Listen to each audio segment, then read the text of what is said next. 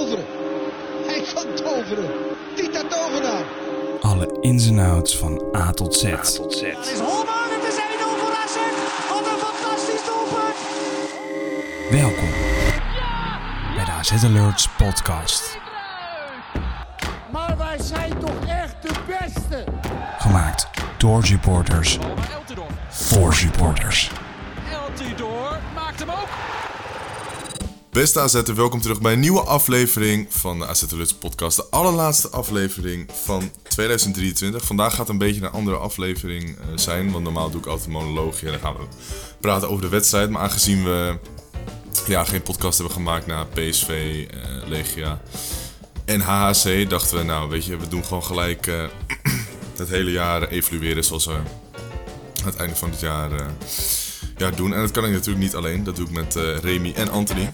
Ja, we hebben een, eh, een lijstje gemaakt. En eh, die hebben we allemaal ingevuld. En eh, nou, daar staan dingen in zoals hoogtepunt van het jaar, beste speler, grootste flop. Dus dat gaan we allemaal ja, bespreken. En zo gaan we hopelijk een beetje het hele jaar kort en bondig kunnen samenvatten hoe wij het hebben beleefd. Hoe wij denken dat het beter kan.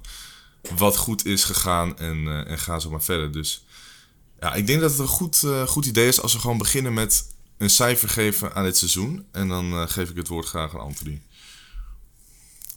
Nou, om eh, te beginnen eh, denk ik dat het algemene cijfer mij een beetje op, is opgedeeld in twee delen.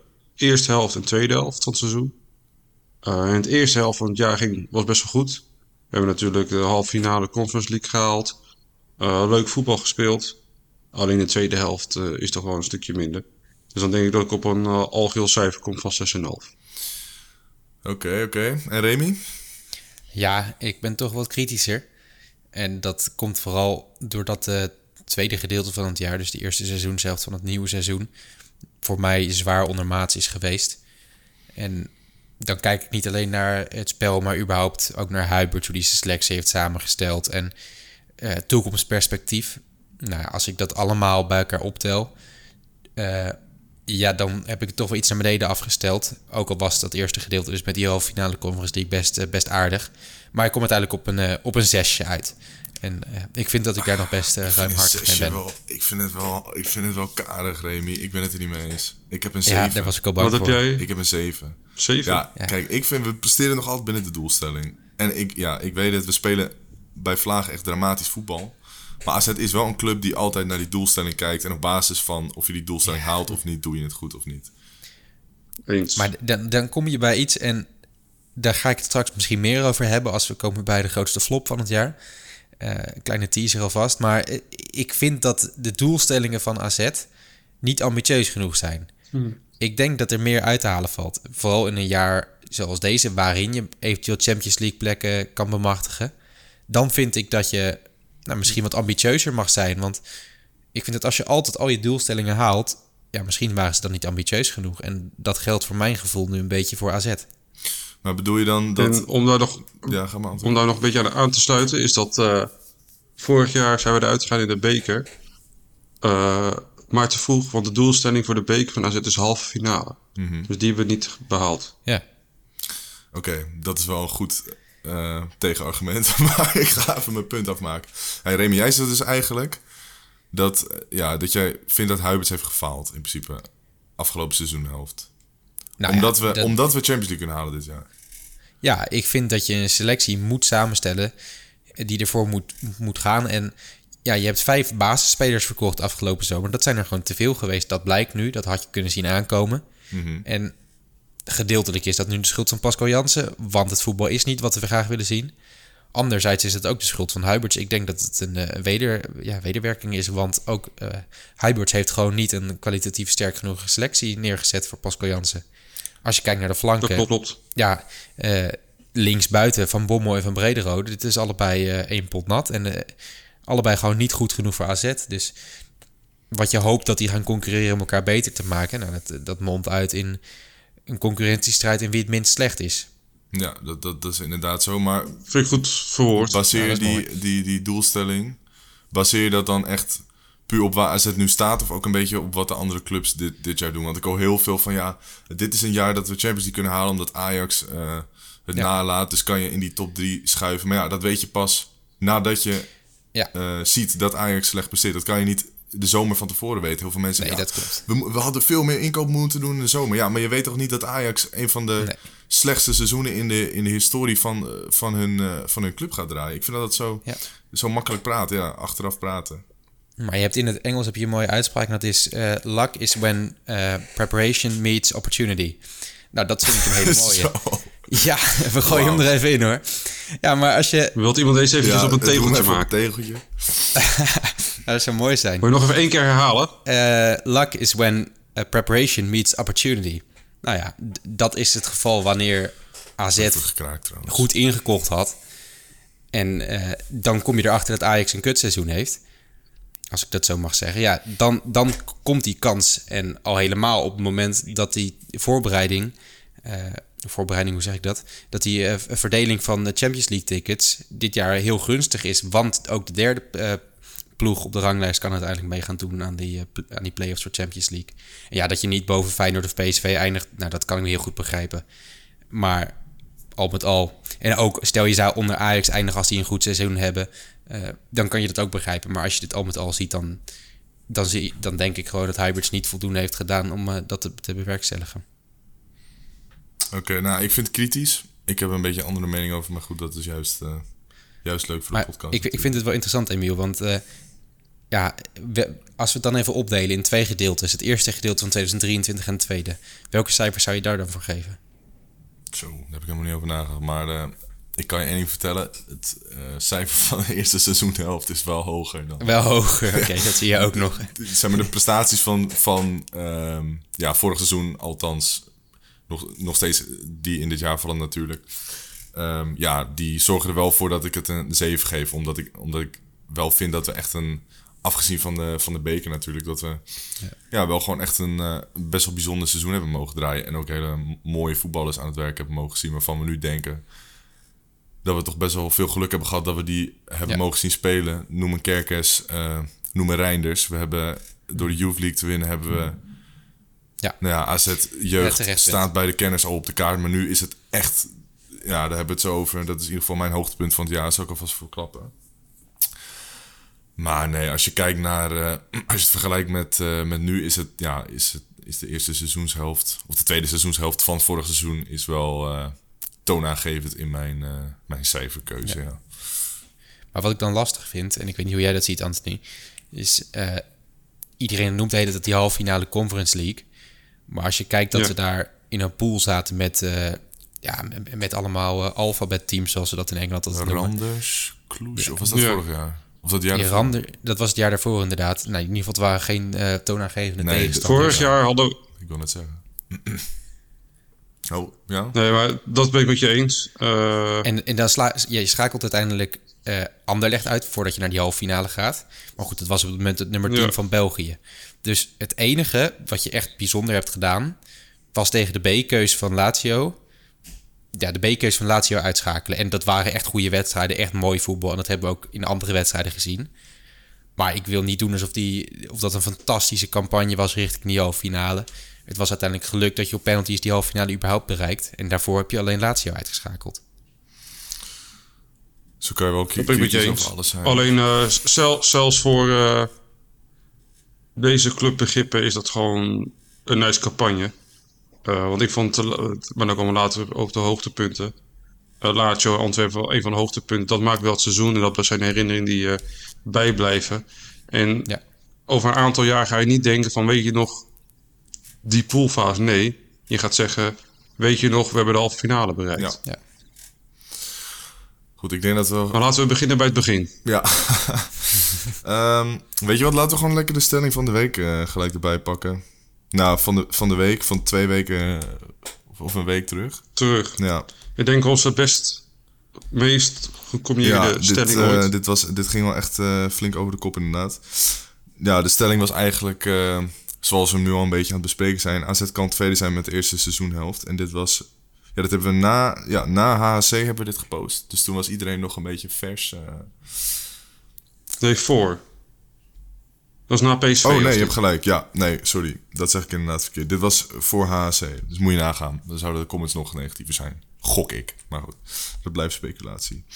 Nee, eh AZ kan tevreden zijn met de eerste seizoenhelft. Dat luidt, eh, zo luidt de stelling. En eh, ja, er zijn heel veel reacties op gekomen. Onder andere van Jesper Hoogland. Die zegt, als de doelstelling de vierde plek is, denk je al verkeerd. Champions League moet de doelstelling zijn. Hey, dat Nou, zeg jij ook, zeg. Ja.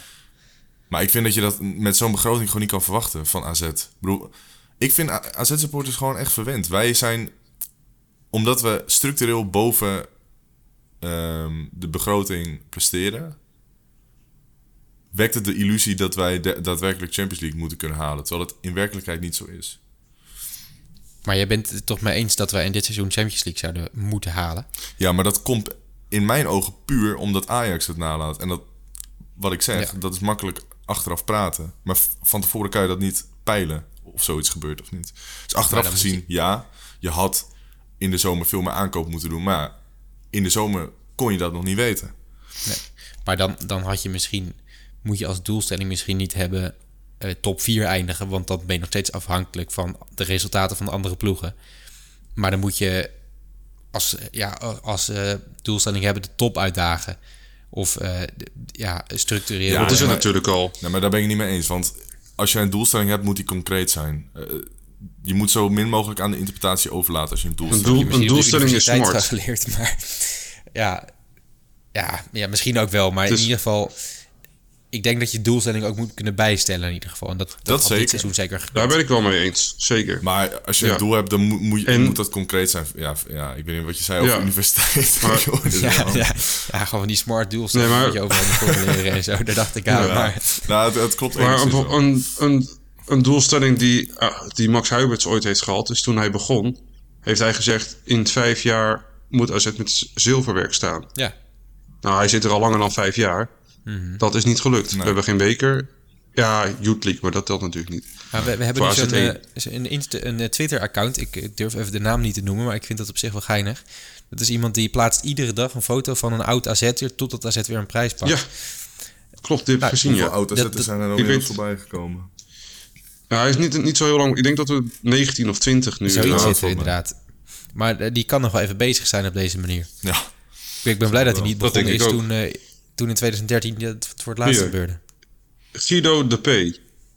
Vandaag had hij nummer 19 en dat was Tony Bruins slot. Wat een Ja, dat is throwback. Heb jij Dus nog dat eh, zijn wat... eh, eh, hele random... eh, nou, Fernando Lewis, Juha Reini, eh, David Locci. eh, wie hebben we nog meer? David eh Seuntjens. eh, wat hadden we nog meer? Daar ben ik wel fan van. Eh, waar staat hij ook alweer? Jezus, wat een tekst heeft die gozer allemaal. Oh, hier. eh Javan Andersen. En Rijko Brezancic. Ja, Rijko Brezanci. Ja, Die hebben nog Ja, tegen eh, Partizan speelde die, hè? Ja. ja, inderdaad. ja. Ik wil nog even een, af, ja. een, een mening die een beetje tegen de stroming ingaat voorlezen. Van Fofo Dada. Die zegt onpopulaire mening, maar Pascal heeft het in my opinion heel goed gedaan sinds hij het stokje heeft overgenomen van Slot. De statistieken laten dit terugzien. Wat ik een groot probleem vind is dat de aankopen supermager zijn, jaar in jaar uit en de beste vertrekken. Daar mogen Huiberts en Eenhoorn ook wat van zeggen of naar gekeken worden. Weten jullie wat intern de gedachten zijn over het transferbeleid? Want met zes flankspelers, waarvan misschien maar één boven de zeven uitkomt dit seizoen, kun je moeilijk Pascal de schuld van geven. Hij weet het gewoon niet meer met zijn gekke wisselbeleid. Dus ik hoop oprecht dat er wat strenge woorden gewisseld gaan worden bij AZ. En niet alleen bij de spelers.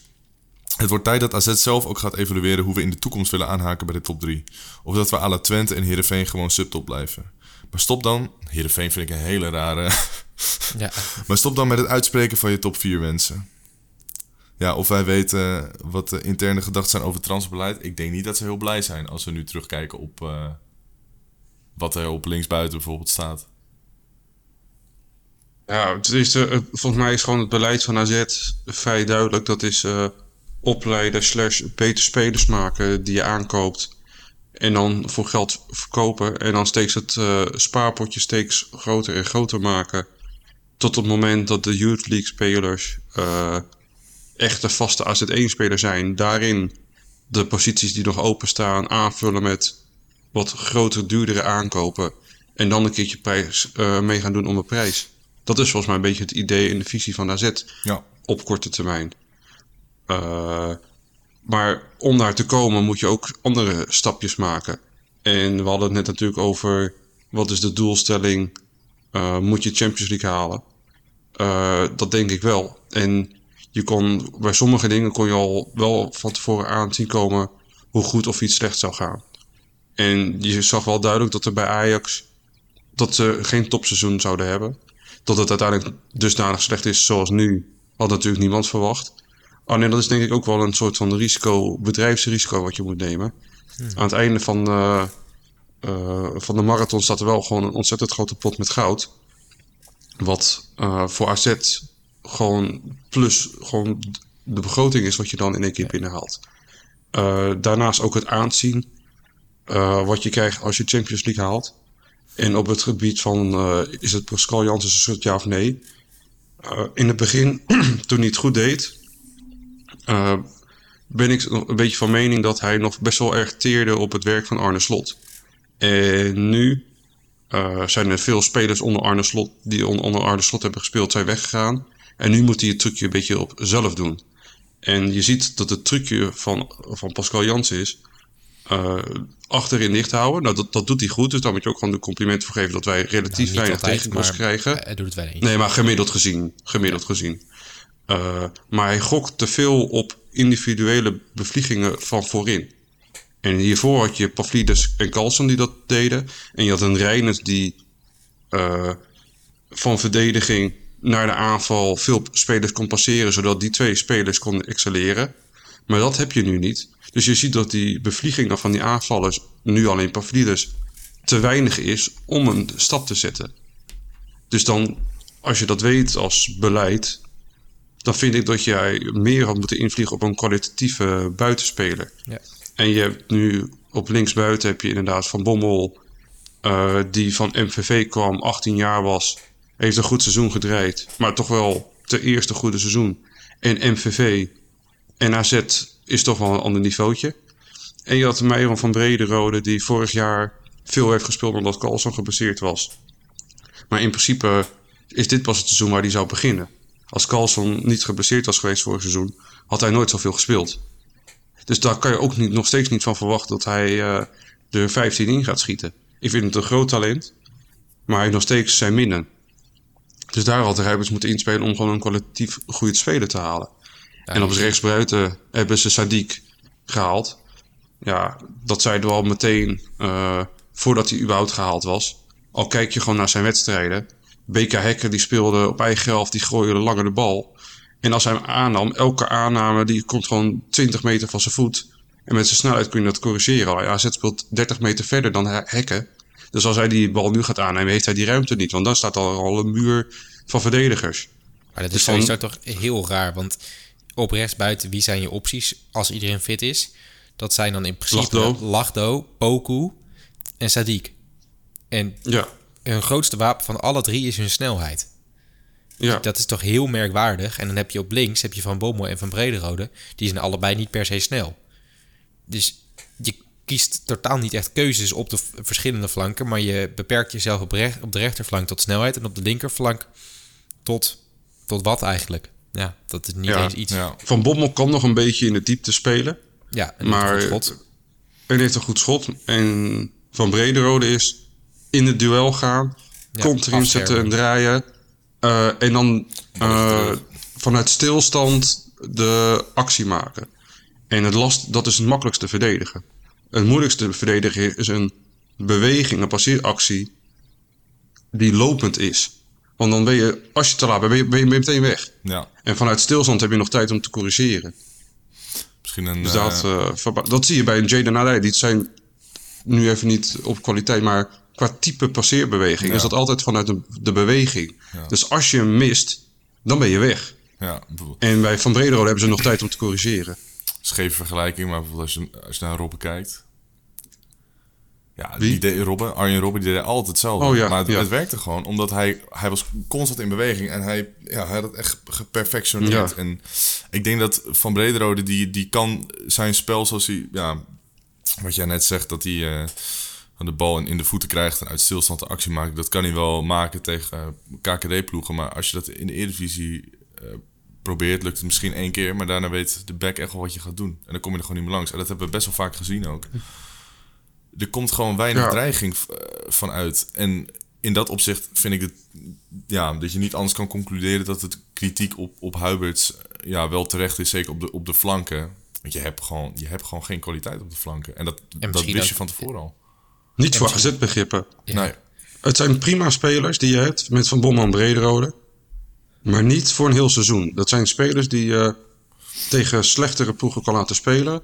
En tegen topploegen kan laten invallen. Ja, Want als jij tegen Van Brederode moet spelen als het Feyenoord zijn... maar hij komt erin in de 70 minuut... dan heb je nog steeds gewoon een vervelende avond. Want het is gewoon een goede voetballer. Maar voor 90 minuten is het gewoon no- nog net niet goed genoeg. En misschien komt dat wel over een jaar of over anderhalf jaar. Reiners die was ook eh, pas op zijn top eh, bij AZ van 24. Dus die tijd moet je hem ook wel geven. Was het toptalent eh, bij AZ in de jeugdopleiding. Alleen je moet nu presteren, niet over anderhalf jaar. En je, kon, je, je, je wist vooraf, tenminste iedereen denk ik wel, dus in ieder geval de supporters waren het denk ik wel vrij duidelijk over eens, dat de spelers daar op die posities nog niet goed genoeg zijn. Dat betekent niet dat ze het niet kunnen worden, maar je moet nu presteren. Want nu kan je Champions League voorronde halen. En misschien heb je volgend jaar, omdat ze in de coëfficiënten slecht presteren, helemaal dat tweede, de derde plek voorronde Champions League ticket niet meer. En dan vis je achter het net. Dus nu verhuren en eh, aankoop doen in de winter, Ja, zeg ik. Maar dat is wel lastig qua wat is er beschikbaar op de markt. Dat is vaak of een speler met een krasje, of heel veel geld moet je betalen. Ja. En ja, wij hebben geld. zijn niet zo van het geld uitgeven. Nee, maar we We hebben, hebben het geld, maar we geven dit niet uit. Nee. Mannen, laten we lekker verder gaan ehm, naar een ander eh, punt.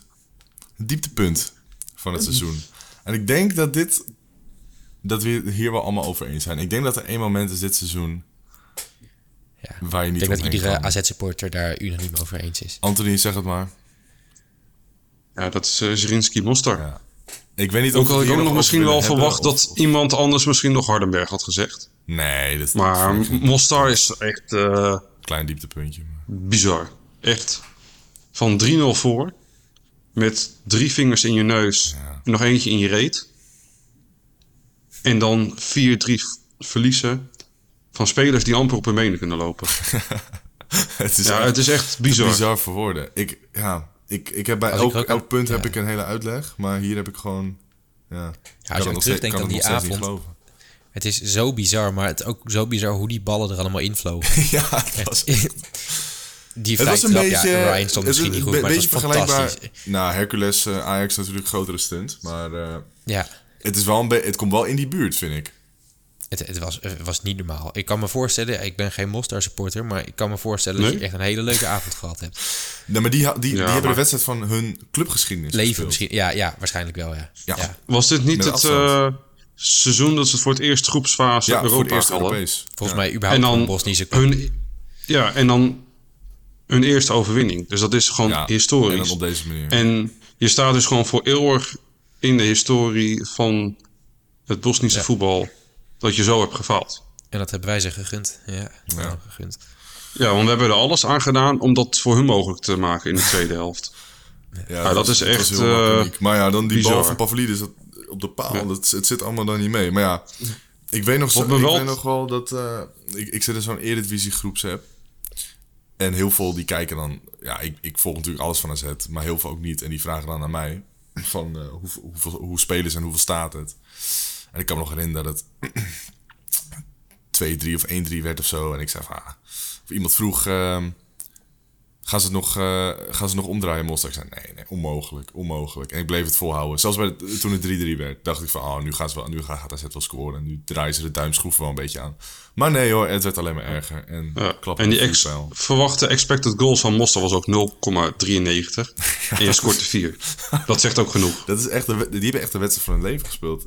Al het geluk kwam gewoon op dat moment voor hun samen. Maar goed, laten we het hier niet verder over hebben. eh, want eh, ja, Doet pijn. ik vind eh, een hoogtepunt veel leuker om over te praten. En ik heb het Ja. even verklapt. En Anthony heeft ook die van hem verklapt. Die van mij is Youth die van Anthony is... AZ, Ja, ik had er twee, hè? Ja, jij had... eh even denken. Ik was een beetje vals aan het spelen. AZ Anderlecht Want, en... eh, hoog... Ja, persoonlijk voor mij was het eh, Lazio AZ.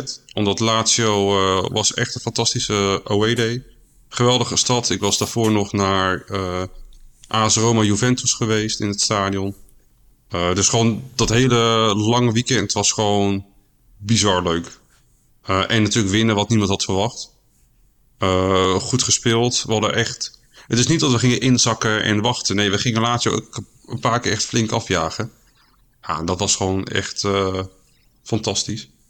Eh, maar voor AZ zelf is het toch wel van 2-0 achter naar 2-2. eh, dus de Duitsers 2-0 voorkomen. En dan met penalties winnen tegen Antwerp. De spanning bij die penalty-serie. En wij zijn niet echt goed in penalty-series. Ah, dat was bizar. Dat was echt kolkend. En ik heb het stadion zelden tot nooit zo erg zien ontploffen bij die wedstrijd. Dat was niet normaal. Ja, dat was een heel bijzonder moment inderdaad. Ja, de- de- Met Ryan met twee panels. jij- Ja, zeker. Maar de- dat gevoel wat jij beschrijft over het stadion zelden zo zien ontploffen, ontploffen dat had ik eh, zelf wat meer bij AZ Lazio. Ja, ik, ik, vooral ik vooral bij die mee. tweede goal van Pavlidis. Ja, ik, Ja. eh, ik heb het al eens eerder verteld in de podcast dat ik toen stage liep bij AZ. Dus ik, eh, ik zat met mijn goaltje achter, die, eh, achter de goal, stond ik dat te filmen. En toen scoort Pavlidis en dan komen al die spelers op een meter van je afrennen. Nou, persoonlijk was dat natuurlijk mijn hoogtepunt. Dat kon niet veel beter. Je wilde bijna Ja, die telefoon weggooien en helemaal gewoon eh, Ja, zeker. meedoen met het feesten. ja, Ja, nou, ik krijg nog steeds ja. kippenvel als ik die video kijk natuurlijk. Maar eh, bizar. nee, een absoluut hoogtepunt en ook de knapste prestatie, denk ik. Mooi goal ook van eh, Jesper Karlsson. Zeker. Als het Ja. Als je er zo over na, hebben we toch wel mooie momentjes eh, beleefd door dit jaar. We Ja, hebben- maar over het is dat je er maar één altijd kiezen. wat- Maar er waren er nogal meer. Wat ook Ja, gewoon een maar daarom zijn bizar- we ook met z'n drieën. Ja. Kunnen we allemaal En wat ook eentje- gewoon een bizarre wedstrijd was. Geen hoogtepunt, maar wel gewoon... Hoe verzin je het? Dat was 5-5. eh 28 januari. De 5-5 tegen FC Utrecht. Normaal, je scoort er 5. Dan win je altijd. Maar wij krijgen het weer voor elkaar. Om niet te winnen als je de AZ, 5 ja. scoort. En AZ, dat is naar mijn mening altijd wel vrij een van de meest mentaal zwakkere ploegen bij een tegenslag. Als het een tegenslag komt, dan komen we altijd in mineur. Het staat, Ja. We staan 2-0 voor, komt er 2-1. Dan krijgen wij het voor elkaar om in de 90ste minuut altijd tegen goals te krijgen. Alleen dit was een wedstrijd waar we 2-0 achter stonden, na twee keer Doefikas vrij snel. En we keerden het om. En dat zag ik niet vaak. Dus ik was echt blij. Nou, toen 3-3. eh pe- eh, Doefikas doelpunt, eh buitenspel. Toen 3-4 voor Utrecht. En dan eh mooie goal van Meester Wit. En Pavlidis daarna met zijn hat-trick 5-4 voor. Dan denk je, nou, nu zal het toch wel goed komen. Hup, 80ste minuut 5-5. En volgens mij hadden we in de extra tijd ook nog een paar kansen. Maar dat was zo'n bizarre wedstrijd. Ik was hem bijna vergeten. Eerlijk gezegd. Maar dat is natuurlijk ook gewoon dit jaar gebeurd. Het voelt echt als, eh, als, als, alsof het vorig jaar was. hoeveel potjes hebben we gespeeld? Iets van eh, 55 of zo, 56. Nou ja, zoiets. Heel als je- veel in ieder geval. Als je, nou ja, vorig seizoen dan niet echt heel erg actief in de beker natuurlijk. Maar als je Mhm. Europees speelt, en, ja, dan telt het zich allemaal wel bij elkaar op natuurlijk. Ja. Ja, mijn, eh, mijn hoogtepunt was toch wel het winnen van de Youth League. Ik denk dat dat echt het kroonjuweel was. Op eh, tientallen jaren structureel de jeugd opbouwen. Wat helemaal is begonnen bij Dirk Scheringa. Foppe, ik heb het boek van Foppe de Haan gelezen. En daarin kwam ik achter dat Foppe de Haan de eerste, eigenlijk, ja, samen met Gert-Jan van Beek, een van de grondleggers was van ja, hoe AZ het nu in de jeugd doet. En dat is gewoon jongens uit de regio eh, opleiden tot topspelers. En dat heeft Dirk Scheringa toen eh, ja, eigenlijk een beetje gekopieerd van, eh, van Foppe de Haan. Dat was in 2003, 2004, eh, die periode. En ja, sindsdien is AZ gewoon bezig geweest met beetje bij beetje vanaf de grond af aan een eh, goed draaiende jeugdopleiding eh, opbouwen. En eh, de echte voetbalkenners die weten natuurlijk dat AZ al jaren een geweldige opleiding heeft. Maar nu is dat op internationaal niveau ook eindelijk echte doorbraak gekomen door de Youth League te winnen. En ook alle topclubs met aanhang te laten zien ja, wat voor geweldige jeugdopleiding we hebben. Dus dat vind ik zeker het hoogtepunt van dit jaar. En naast een winnen ga je daardoor naar de wereldfinale tegen Boca. Ja, dus En de ervaring ook, voor die gasten in het spelen van dat stadion is niet normaal. eh, ja, Dat is iets wat je gewoon je hele leven meeneemt. En dat even in een jouw team... La Bombonera iemand uitkapt in de vijf. Precies. Maar dat jouw team daar mag spelen, dat is, is natuurlijk wel goosebumps. Precies, dat heb je mooi gezegd. Maar ehm, laten we een beetje een tempeltje achtergooien. Want eh, bij een hoogtepunt... Ja, bij, bij positieve dingen hoort natuurlijk ook beste speler. En eh, Ja. ja, ik heb voor iemand gekozen... Ik zal wel even bij mezelf beginnen. Ik heb voor iemand gekozen die niet meer bij AZ speelt. Maar ja, hij heeft natuurlijk wel dit jaar gespeeld. Dus officieel mogen we dan meerekenen. Ja, toch wel Tijani Reinders. Die het ook bij Milaan nu fantastisch doet. Al, Wat een eh, speler. ja, ja, bizar. Hij is eigenlijk... hij zich daar ook aanpast eigenlijk, hè? Ja, dat Ja. is echt eh, bizar. Want wie had gedacht, dat als jij twee jaar geleden tegen mij, of tweeënhalf jaar geleden tegen mij had gezegd dat Reinders eh, over tweeënhalf jaar bij AC Milan de sterren van de hemel zou spelen, zou niemand je geloven. Maar Reinders is een van Nee. de allereerste die, ehm, ja, toch na, na een verhuurperiode waarvan iedereen dacht van, oké, nu zal hij vast wel eh, afglijden, het toch heeft laten zien. En ik denk dat dat een hele belangrijke, eh, heel belangrijk moment is geweest, ook voor spelers in de jeugd. Zeker. Want een, een verhuurperiode wordt toch vaak wel een beetje gezien als het begin van het einde. Maar het was wel heel kort, hè? Want het was in het coronajaar toen eh, Ja. afgebroken. Dus dat zijn echt niet zo heel veel potjes gespeeld. Alleen hij heeft zo lang in de schaduw van een andere heel goed spelende AZ'er moeten staan. Frederik Mitchell. Ja, en dat is, wel, dat is wel vaker wat trainers zeggen. Als iets goed is, ga je dat niet aanpassen. Maar dat vind ik altijd een beetje een loze kreet. Want als iets goed is, kan het, het kan altijd beter. Dus Ja, je weet natuurlijk nooit of degene die het van beter doet, maar ik vind dat dat altijd een beetje een loze kreet. ik snap wat je bedoelt inderdaad. Maar nee, Reinders, eh, ja, absoluut mijn, eh, mijn beste speler. Ik denk ook dat we heel veel nog van hem gaan genieten, ook in het Nederlands elftal. Denk dat hij een, eh, nu al, ja zeker, en dat hij nu al echt een fantastische bijdrage levert in, eh, in de wedstrijd die we van hem hebben gezien. Maar Remy, wat is jouw eh, beste speler van dit jaar? Ja, kijk, ik denk als je objectief kijkt naar de beste speler die we hebben gezien in het AZ-shirt dit jaar, dan moet ik het eens zijn met Reinders. Maar hij heeft maar een gedeelte van 2023 bij ons gespeeld. En als je kijkt naar het hele jaar, nou dan, dan steekt er één iemand met kop en schouders bovenuit en dat is Pavlidis geweest. Zowel in het eerste gedeelte van 2023, twee goals tegen Anderlecht. Eh, die goals tegen Lazio waren ontzettend belangrijk. Die tegen Utrecht. Eh, Drie tegen Utrecht, ja, ook leuk. Minder, eh, minder Het zijn er wel drie. uiteindelijk, maar het zijn er zeker drie. En ook gewoon toen hele goede wedstrijden gespeeld en ons uiteindelijk eh, voor een groot gedeelte naar die halve finale van de Conference League gebracht. En ja, dan deze eerste seizoen zelf natuurlijk echt helemaal nergens op hoe makkelijk hij ze erin eh, inlegt. Al helemaal als je bedenkt met wie die op het veld staat. Eh, hij krijgt niet eh, aan. Vorig jaar kreeg hij zo vaak die ballen van Carlson. Of, misschien soms nog wel van Otkaart of van Reinders. En die komen er nu allemaal niet eens meer. En hij, hij bemoeit zich heel veel met het spel. Komt die bal vaak halen. En ja, maakt echt prachtig doelpunten ook ondertussen. Dus voor mij onbetwist de beste man van eh, 2023 eh, is Vangelis Pavlidis. Logische keuze. Eh, ik twijfelde ook om uh, Pavlidis te kiezen, want zijn statistieken helemaal het tweede seizoen zal zijn fenomenaal. Alleen ik ga toch voor eh Jordi Klaassen. Ik vind die gozer zo belangrijk in balonderscheppingen, startopbouw, eh, leiderschap tonen. dat ik toch wel voor hem ga. Want er wordt vaak gekozen voor degene met de assisten en de goals.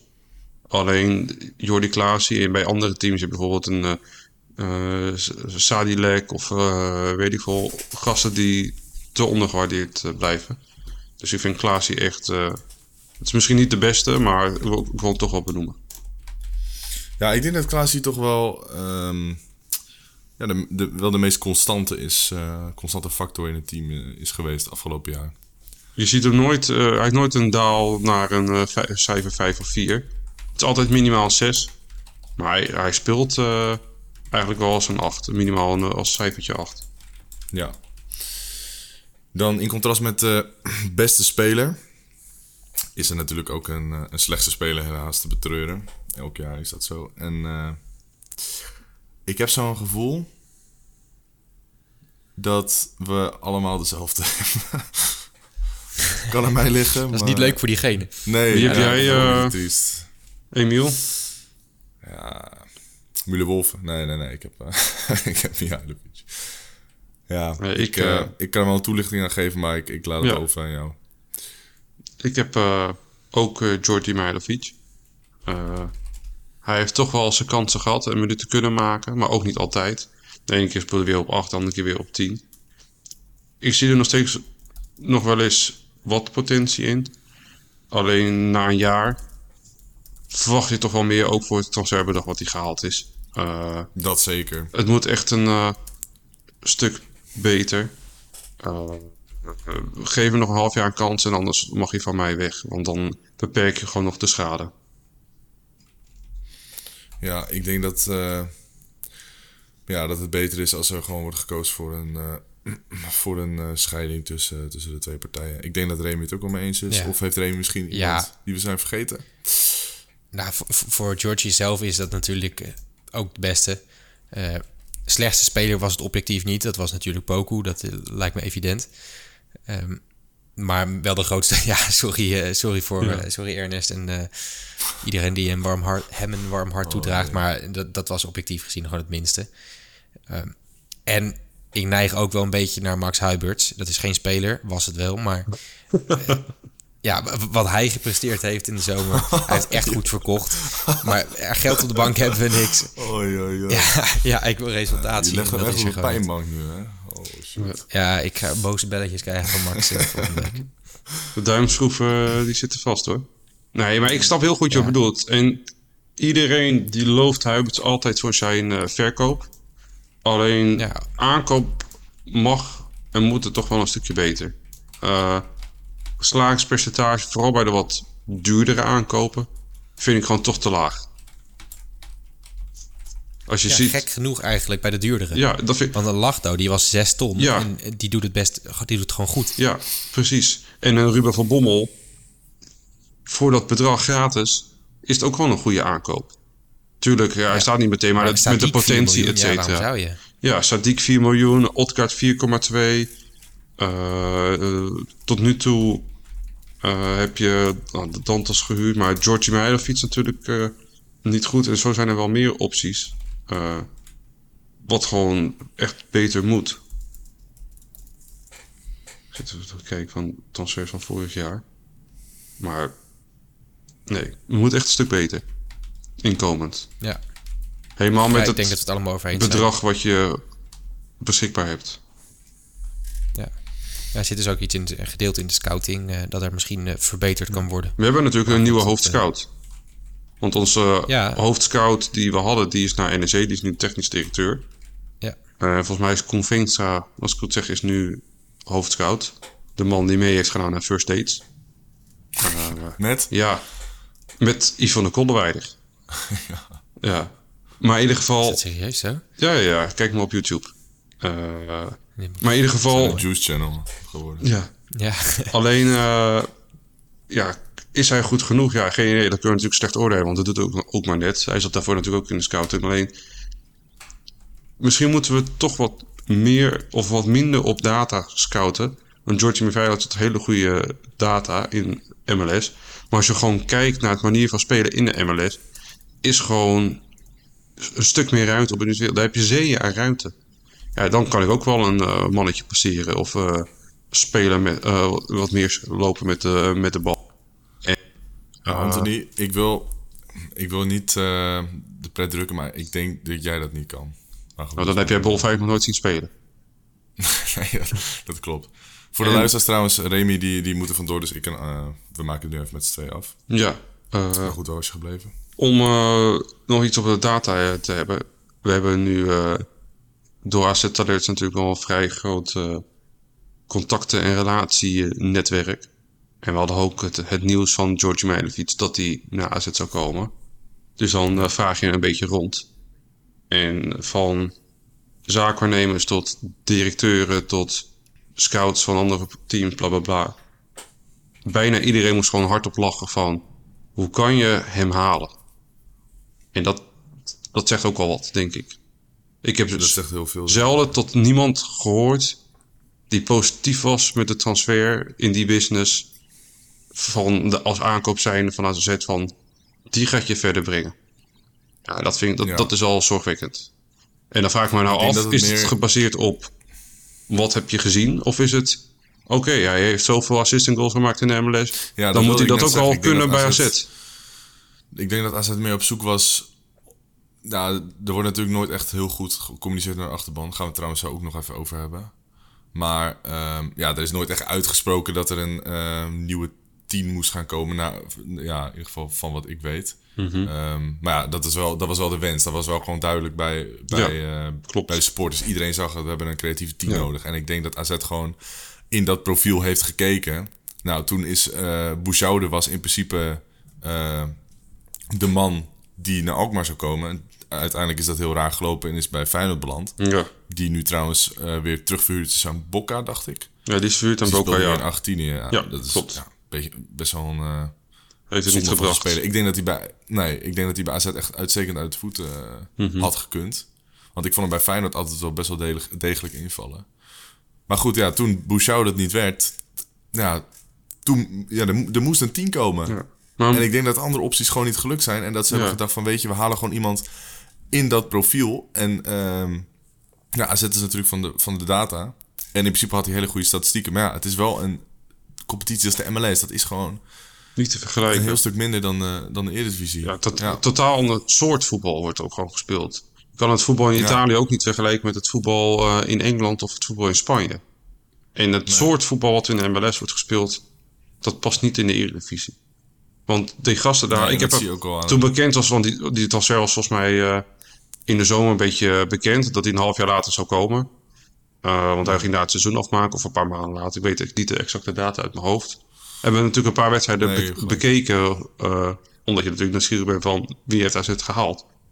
Dat voetbal daar is zo anders. joh. De ruimtes die je hebt, de, Een stuk trager de ook. trage, maar de verdedigende lijn die staat gewoon constant op dezelfde plek.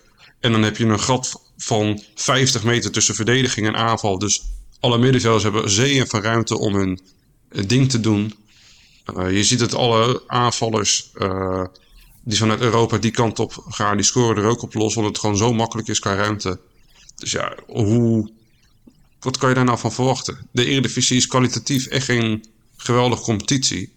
Alleen ik denk dat wij Nou, we zijn... ja, de vijfde of zesde. zijn we nu? Zesde, zesde, volgens mij. Vijfde of zesde Ja. is toch best wel hoog. Ja, maar ik bedoel meer gewoon qua kwalitatief spelen. Alleen ik denk dat wij tactisch wel vrij sterk zijn. Dus dat wij kwalitatief in, co- com- in combinatie met tactisch, dat dat ons ver brengt. Als wij tegen een Ja. ge- gelijkwaardige tegenstander spelen, denk ik dat wij tactisch vaak winnen. Of dat wij, wij wi- winnen een paar keer van Lazio, maar Feyenoord wint een paar eh, topduels ook in Europa. PSV wint een paar topduels in Europa.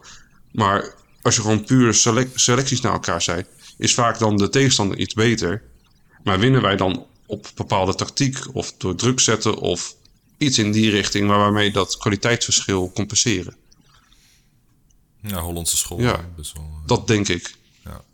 Tuurlijk hebben wij ook goede ja. spelers. Hè. dat het, minder, maar- dat het meer, meer aan de tactiek ligt, minder aan de kwaliteit van de speler zelf. Ja, dat is natuurlijk vooral. Het is alles, alles is natuurlijk in verhouding, maar het is een combinatie van beide. Mhm. Nou, ik denk dat je wel, eh, wel gelijk hebt. Want in principe het, het, eh, het systeem zoals Cruijff het heeft bedacht... dat is gewoon hoe wij nu eh, spelen. En ja, elke voetbalsupporter eh, waar je ook vandaan komt...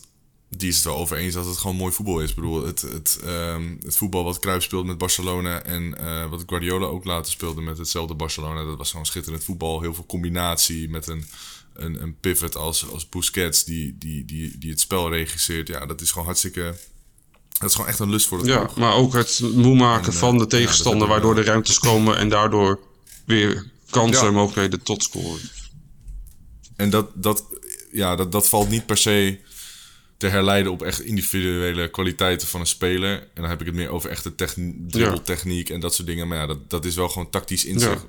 Wat, ja, wat bij ons toch wel... eh, ja, wij zijn toch wel de grondleggers geweest van dat systeem. Dus ik denk dat wij daarom inderdaad, wat jij zegt, ook eh, tactisch... eh, Goed geschoold zijn. Ja, misschien wat beter. eh, ja, ja, zo kan je het inderdaad wel, eh, wel stellen.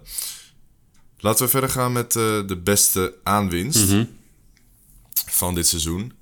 En eh, voordat de podcast begon, had ik iemand anders. En toen zei Remy van, zou je deze niet doen? Ik dacht van, oh ja, Dus ik heb Penetra gekozen. Vind ik een leuke aanwinst. Ik vind alleen dat hij... eh, hij speelde in het begin, kreeg we geen tegengoals. Toen kwam BMI erin. En nu speelt hij alleen als invaller of als iemand eh geblesseerd of geschorst is. Eh, dus ik vind dat hij nog te weinig een minuut heeft laten zien. Ik vind hem wel heel goed. Ik heb niet voor niks een shirtje met hem, eh, met zijn naam achterop. Maar dan vind ik toch nog dat hij te weinig heeft laten zien. Maar dat heeft meer te maken met zijn speelminuten dan zijn kwaliteit. Want ik vind wel een hele goede speler. En ook een speler met doorgroeimogelijkheden nog steeds. Ja, hij heeft mij in de minuten dat hij heeft gespeeld toch wel overtuigd. ehm, ja, ik, denk- ik denk wel dat hij eh, met de kwaliteiten die hij heeft laten zien. Natuurlijk heeft hij ook wat mindere wedstrijden gespeeld. En was hij de afgelopen wedstrijden eh, ja, toch af en toe wel een beetje wankel. En ja, bijvoorbeeld eh Mostar, om maar eens een voorbeeld te noemen, was hij ook gewoon niet zo heel, heel zeker van zijn zaak. Maar de, de goede dingen die hij heeft laten zien, ja, die doen mij wel geloven dat hij echt kan uitgroeien tot een, eh, tot een potentiële topper. Hij heeft een geweldige tackle. Ja, En, hij is eh, gewoon de passie ook. ja, het dat, is gewoon echt een, daar ga ik goed op. ja, dat, dat is, iets, ja, dat is Ja. iets wat je bij AZ niet, niet altijd even Ja. vaak tegenkomt. We hebben wel een, een De Wit, maar eh, ja, misschien Pavlidis. Maar ja, Pavlidis, een spits, is niet echt eh, een, ja, de positie waarvan je dat... Wat eh, nodig heb. Ja, waar je heel veel prof... Ja, precies, waar, waar je heel veel profijten van hebt. Bijvoorbeeld Weghorst is wel een goed voorbeeld daarvan. Ja. Misschien ook wel een beetje een extreem voorbeeld. Maar Nee. het liefste wil je gewoon verdedigers en middenvelders hebben die, die eh, de boel opzwepen, waardoor de, de aanval wordt gestimuleerd. Ja, ik ga dus heel erg goed op bij spelers, dus niet alleen maar algemeen in het voetbal. Van verdedigers, als die echt zo'n wereldtackle hebben, dat die dat dan echt met het team eh, gaan juichen. Daar ga ik heel goed op, want een- een goede sliding of een goal tegenhouden is net zo belangrijk als een goal maken. Als je hem niet tegenkrijgt, hoef je er ook minder te maken. Ik denk dat het heel cliché en het is logisch allemaal. Eh, maar dat is wel zo. Ja, een, een tackle, een goede tackle. Ik ben Ja. mijn hele leven al verdediger. Een goede tackle, joh. Oh, de eerste wedstrijd van dit seizoen had ik zo'n lekkere tackle, jongen. Ik brak wel mijn enkel, maar hij was wel heel lekker. Nee. Nee, maar als je, oh, als je, als je hem goed timed, is het misschien wel lekkerder dan Ja. een doelpunt. Ik weet niet waarom, maar misschien is dat gewoon iets wat verdedigers hebben, maar goed. En eh, mijn beste speler, dat was Ja, eh, Penetra dus. Sven Meijnans. Of beste aankoop, moet ik zeggen. Ik vind het, eh, dat Sven zich ontzettend snel heeft weten aan te passen aan het AZ-niveau. En hij kwam er toen vrij snel in vanwege de bestuur van Dani de Wit eh, in het team. En dat heeft hij echt eh, goed, zeer degelijk gedaan. En in eh, het eerste seizoen zelf van dit jaar eh, moest hij natuurlijk heel veel ook spelen op plek op, op positie nummer 8. En dat is gewoon niet helemaal zijn positie. Maar ook naar zijn begrip heeft hij dat oké gedaan. Maar het blijkt, Ja. ik vind wel dat het een nummer 10 is. Eh, maar ik vind het wel een hele goede speler. Ook voor het bedrag wat je hebt betaald. eh 2 miljoen nog wat. Gewoon goede aankoop, steady. Een speler waar je gewoon altijd van op aankomt. Het is echt wel een, een, een- Ik vind het echt een, een typische aanzet. Ja, en dan... We hebben het volgens mij vorige podcast er ook over gehad. En ik zag hem vandaag voorbij komen qua naam. Eh, dan valt in het rij van typische aanzet aankoop ook bijvoorbeeld een Matson van NEC. En ik zag dus dat zijn, Ja. En Willem Ja, Williamson zijn- natuurlijk. zijn contract loopt af einde het seizoen. En NEC NEC heeft dus nog een, nog een optie van één jaar. Dus nog anderhalf jaar, maar in de zomer dus één. Eh zal ook voor een goed bedrag op te halen zijn. Het zou me niks verbazen, zonder dat dit gebaseerd is op informatie, maar meer gewoon op onderbuikgevoel, eh, dat AZ wel een poging gaat wagen om hem te halen. Want ik vind het wel leuk spelen. Nou, het is zeker een leuke speler. Ik denk dat hij ook... Ja, ik denk dat wat je zegt ook wel, eh, wel klopt. Ik denk dat hij goed bij AZ past. Hij is technisch vaardig. Hij heeft hartstikke goede statistieken die dat, Ja. eh, die dat ook onderbouwen. Ik denk dat hij wel echt... ja, de, de speler is van, waar, ja, waar, waarbij het eh, van moet komen. Ik weet niet of ik dat Ja. goed zeg, maar goed. Ehm, ja, Mijnans, ik ben het op zich wel met je eens, ja. Ik denk dat hij, als ik over nadenk, ook wel de betere aankoop is vergeleken met Penetra. Op 8 heeft hij het inderdaad wel oké gedaan, maar hij heeft het echt van, z'n, eh, van de diepte die hij in het, in het spel brengt. Hij heeft gewoon een hele goede loopactie achter de linies. En dat, ja, dat kan, kan je misschien een beetje vergelijken met een Guus Ja. Til. Waarbij ik Til toch even iets eh, scherper voor het doel vind. Die heeft toch iets meer neus voor de goal. In dat opzicht. Maar we zagen al in de eerste paar wedstrijden die Mijnans eh, voor AZ speelde... dat hij gewoon ontzettend veel diepte heeft. En daarmee heel veel gevaar creëert. En die- De Wit heeft dat ook. Maar Mijnans is toch wat, ja, technisch vaardiger. Die kan toch wat meer uit die Die kan ook situaties iets meer voetbal inderdaad. En hij heeft soms qua tackles lijkt het wel alsof hij uitschuifbare benen heeft. Ja, hij is een Ja, dat is echt bizar. En die zitten soms best wel vaak goed tussen. En in het druk zetten is dat gewoon heel fijn. En Dani Ja. Wit kan natuurlijk ook goed druk zetten, maar wel op een wat andere manier. En beide manieren is goed. Dus het is fijn dat je als selectie zijn, als team zijn, wel kan wisselen uit kwalitatief goede spelers. Een Dani de Wit en een Mijnans op team. Ja, ik denk dat de Wit komt qua druk zetten denk ik beter tot zijn recht als iedereen ook Ja. meedoet. En ik denk dat Mijnans met, eh, met zijn lange uitschuifpoten toch al ook zelf, eh, als hij in zijn eentje in principe zou druk zetten en iemand zou een actie maken, zou hij eerder een bal kunnen afpakken dan de Wit, denk ik. Ja, dat denk ik ook wel. Ja. Ik denk dat, ja, dat komt ook, te, wel af- heeft ook wel te maken dat ja. gewoon nog even een stukje sneller is. Waardoor je eerder Ja. bij de bal bent. Ja, ik vind het. In principe is het de beste team die we hebben, denk ik. Kijk, de Wit die brengt natuurlijk veel felheid. En ik vind dat zijn voetballende kwaliteiten ook wel vaak worden ondergewaardeerd. Onder de supporters. Maar de, Mijnans is objectief gezien gewoon. Hij, is, hij heeft even dat beetje meer handelingssnelheid. Hij is even wat slimmer. Hij ziet het net even Ja. wat beter. En, En dan is het heel jammer dat hij, eh, dat hij geblesseerd is. en nu noem je eh, net Dani de Wit op. Kunnen we meteen over eh, transfers hebben. Eh Dani de Wit die heeft een aflopend contract. En het is eigenlijk, die gaat die voor 100% zeker, 99% zeker, niet verlengen. Maar het is eigenlijk alleen de vraag, eh, hoe concreet gaan clubs worden in de winter? Want anders gaat hij eh, sowieso in de zomer weg. Maar als AZ er nog wat aan wil verdienen, dan wordt het in de winter. Ik denk zelf dat AZ hem gaat houden en dan in de zomer een transfervrije overstap. Maar als er opeens een bod komt van een paar miljoen voor een speler met een half jaar contract, ja, dan kan je dat ook weer niet laten liggen. En dan kan je Ja. eh, George echt de kans geven en die het uitvechten met Mijnans. Of je gaat iemand halen. Ik denk dat de kans dan vrij aanwezig is dat, eh, dat er een, eh, een extra team wordt gehaald. Of Odgaard op 10. Omdat, ja, Miha of Odgaard op 10, wat ik ook al... Kijk, ik, ik kan niet HC nu noemen als Wel goed een voorbeeld. echt een goede goals maakt hij daar. Goed in de hoek. Typische Odgaard goal. maar ik vind hem op 10 ook echt... Ik denk dat het echt wel wat kan worden. Want het, bij RKC was het echt een hele Ja. goede speler. Die, die sta- hij stak met kop en schouders boven iedereen uit. En ik weet nog wel, in de uitwedstrijd, Ajax-RKC was dat. Ja, speelde hij gewoon echt de sterren van de hemel tegen Ajax. En En dat is iets heel geks om nu te zeggen. Maar hij kan... Ja, en ik ben van mening dat. Denk, hij, hij heeft natuurlijk ook een hele goede wedstrijd gespeeld bij AZ in de spits. Maar Pavlidis die heeft Ja. bij zijn vorige clubs en ook wel eens bij AZ ook op 10 gespeeld. En ik denk dat je die, die wisselwerking van oké, dan gaat Otkaart in spits, Pavlidis 10. En gewoon tijdens de wed- wedstrijd. Dat dat best wel wat voor verwarring kan zorgen voor centrale verdedigers. Van, Ja. Moet ik doordekken? Moet ik hem overlaten aan eh, de verdedigende middenvelder? Eh, helemaal als ze allebei uit gaan zakken. Want dan staan twee centrale verdedigers tegenover niemand.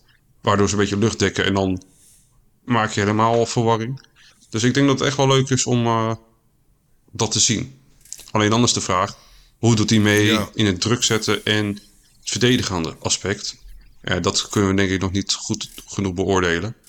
Behalve dat Dani de Wit en Sven Meijnans dat wel waarschijnlijk een stuk beter zullen doen dan hem.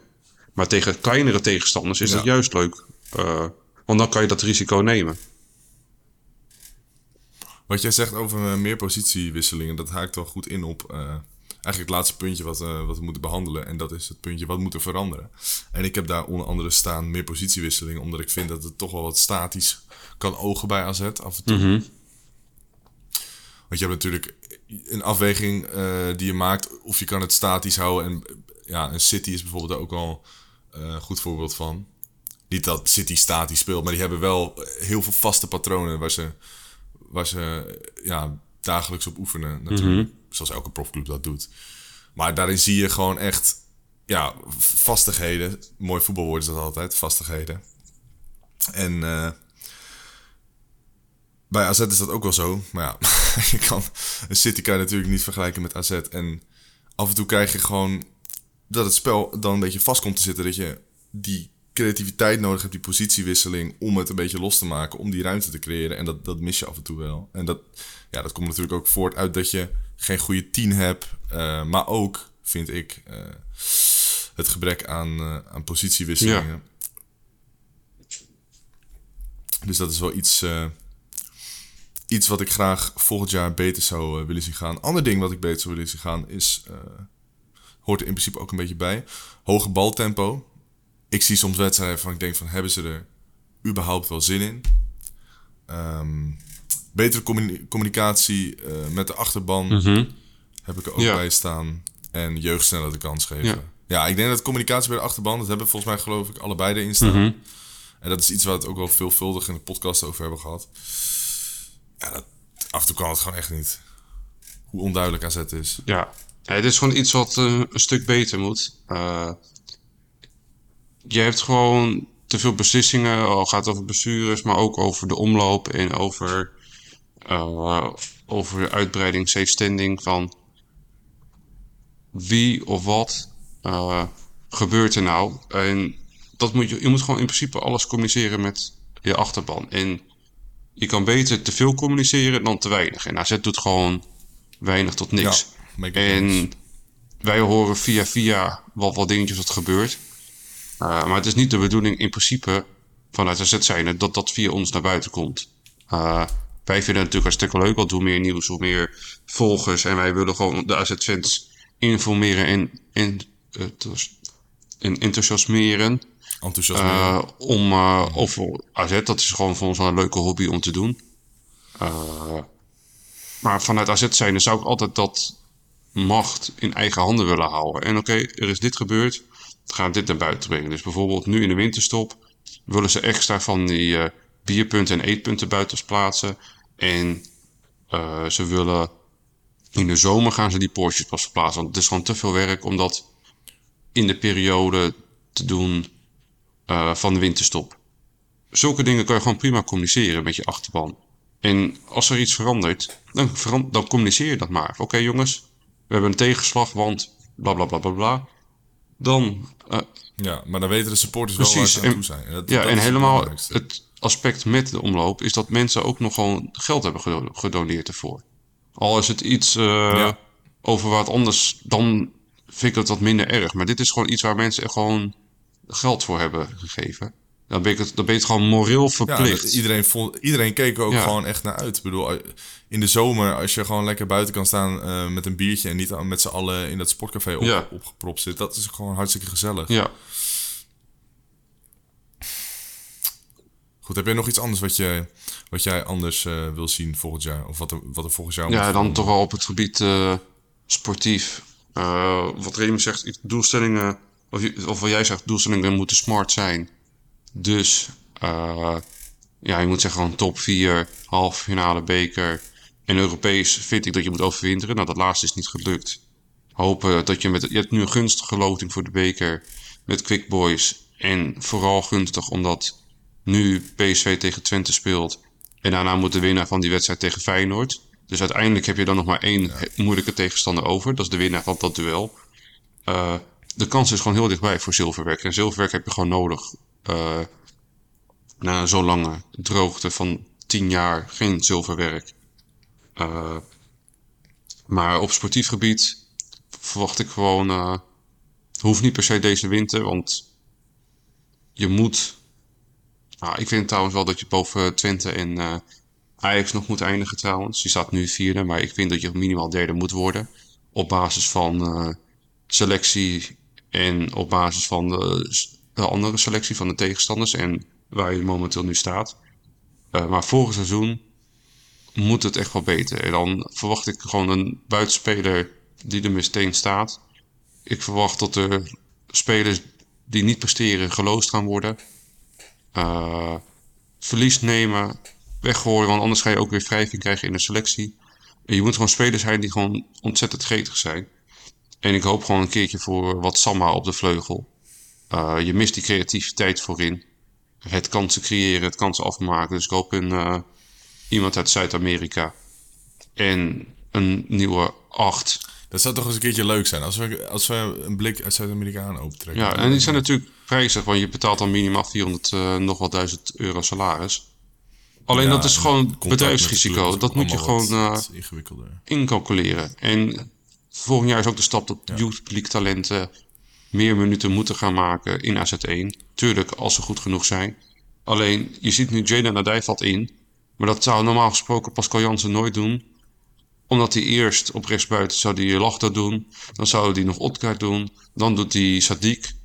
En dan komen pas uh, of eventueel een Adij. Maar al, in principe had je nog drie spelers ervoor... voordat die Youth League spelers minuten gaan maken. Terwijl je gewoon ziet dat zo'n Sadiq of een Adij... ja, Sadiq is misschien even iets sterker fysiek nog. Uh, maar qua voetbaltalent is Adij gewoon dat verder. Het meevalt, uh, dus ja. moet je dan 4 miljoen uitgeven voor een speler... terwijl je zoiets hebt rondlopen in de jeugd. En ik ben van mening dat bijvoorbeeld een Kakman... Ja, dat vind ik gewoon echt een ontzettend groot talent. Een type Frenkie de Jong. Dat je die echt wel in duels uh, in kleine tegenstander minuten kan geven. Om ze te wennen aan het niveau. Ook in de voorbereidingen.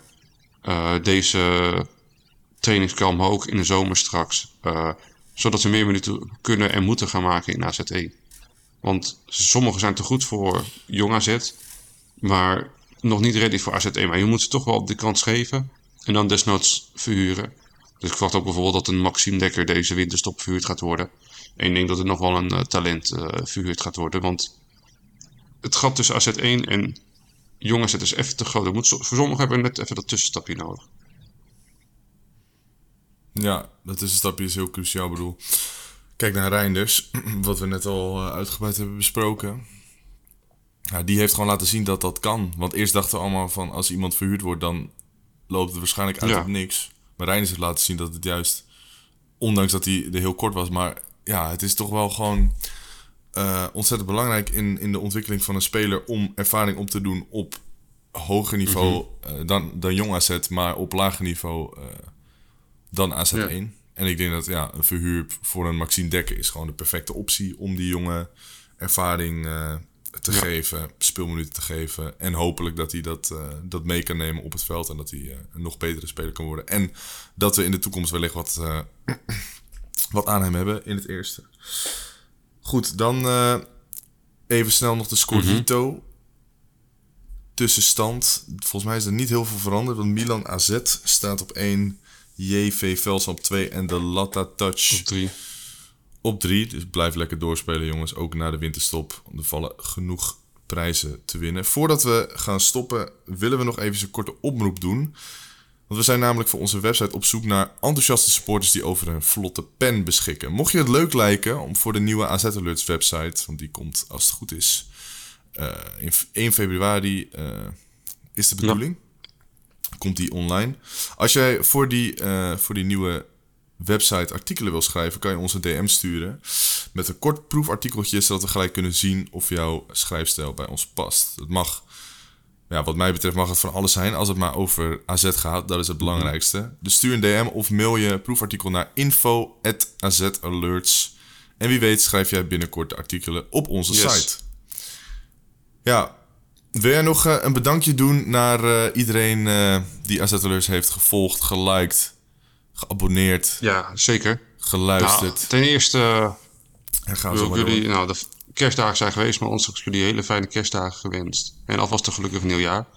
Eh bedankt voor het volgen. Eh, AZ is een eh qua supportersachterban een kleine club. Maar de, de aantal supporters zijn wel vrij fanatiek in het volgen. En die, dat, dat fanatieke hebben we nodig om onze club steeds naar een hoger niveau te tillen. Dat doen de gasten van de bandsite vocaal. Dat proberen wij op social media iedereen te enthousiasmeren om het stadion zo vol mogelijk te krijgen. Dus iedereen die daar aan meehelpt, ontzettend bedankt. Het helpt ons ontzettend erg als mensen onze post delen, eh, liken, retweeten, eh, om ons en dus ook AZ eh, zo erg en zo groot mogelijk te laten worden. En dat fanatiek hebben wij ook nodig straks bij onze website. Wij gaan een prachtige website voor jullie online gooien met al het AZ-nieuws.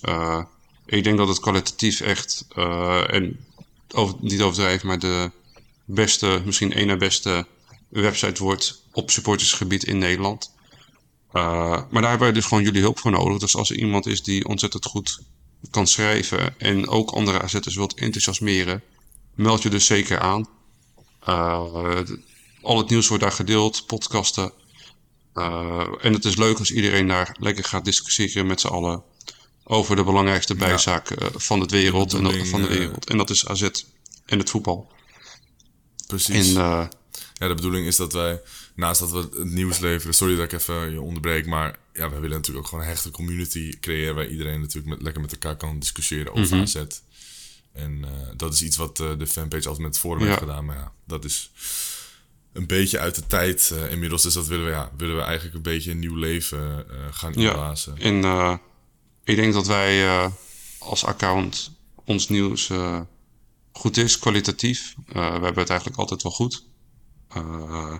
en dat nieuws willen wij gewoon beter naar iedereen overbrengen.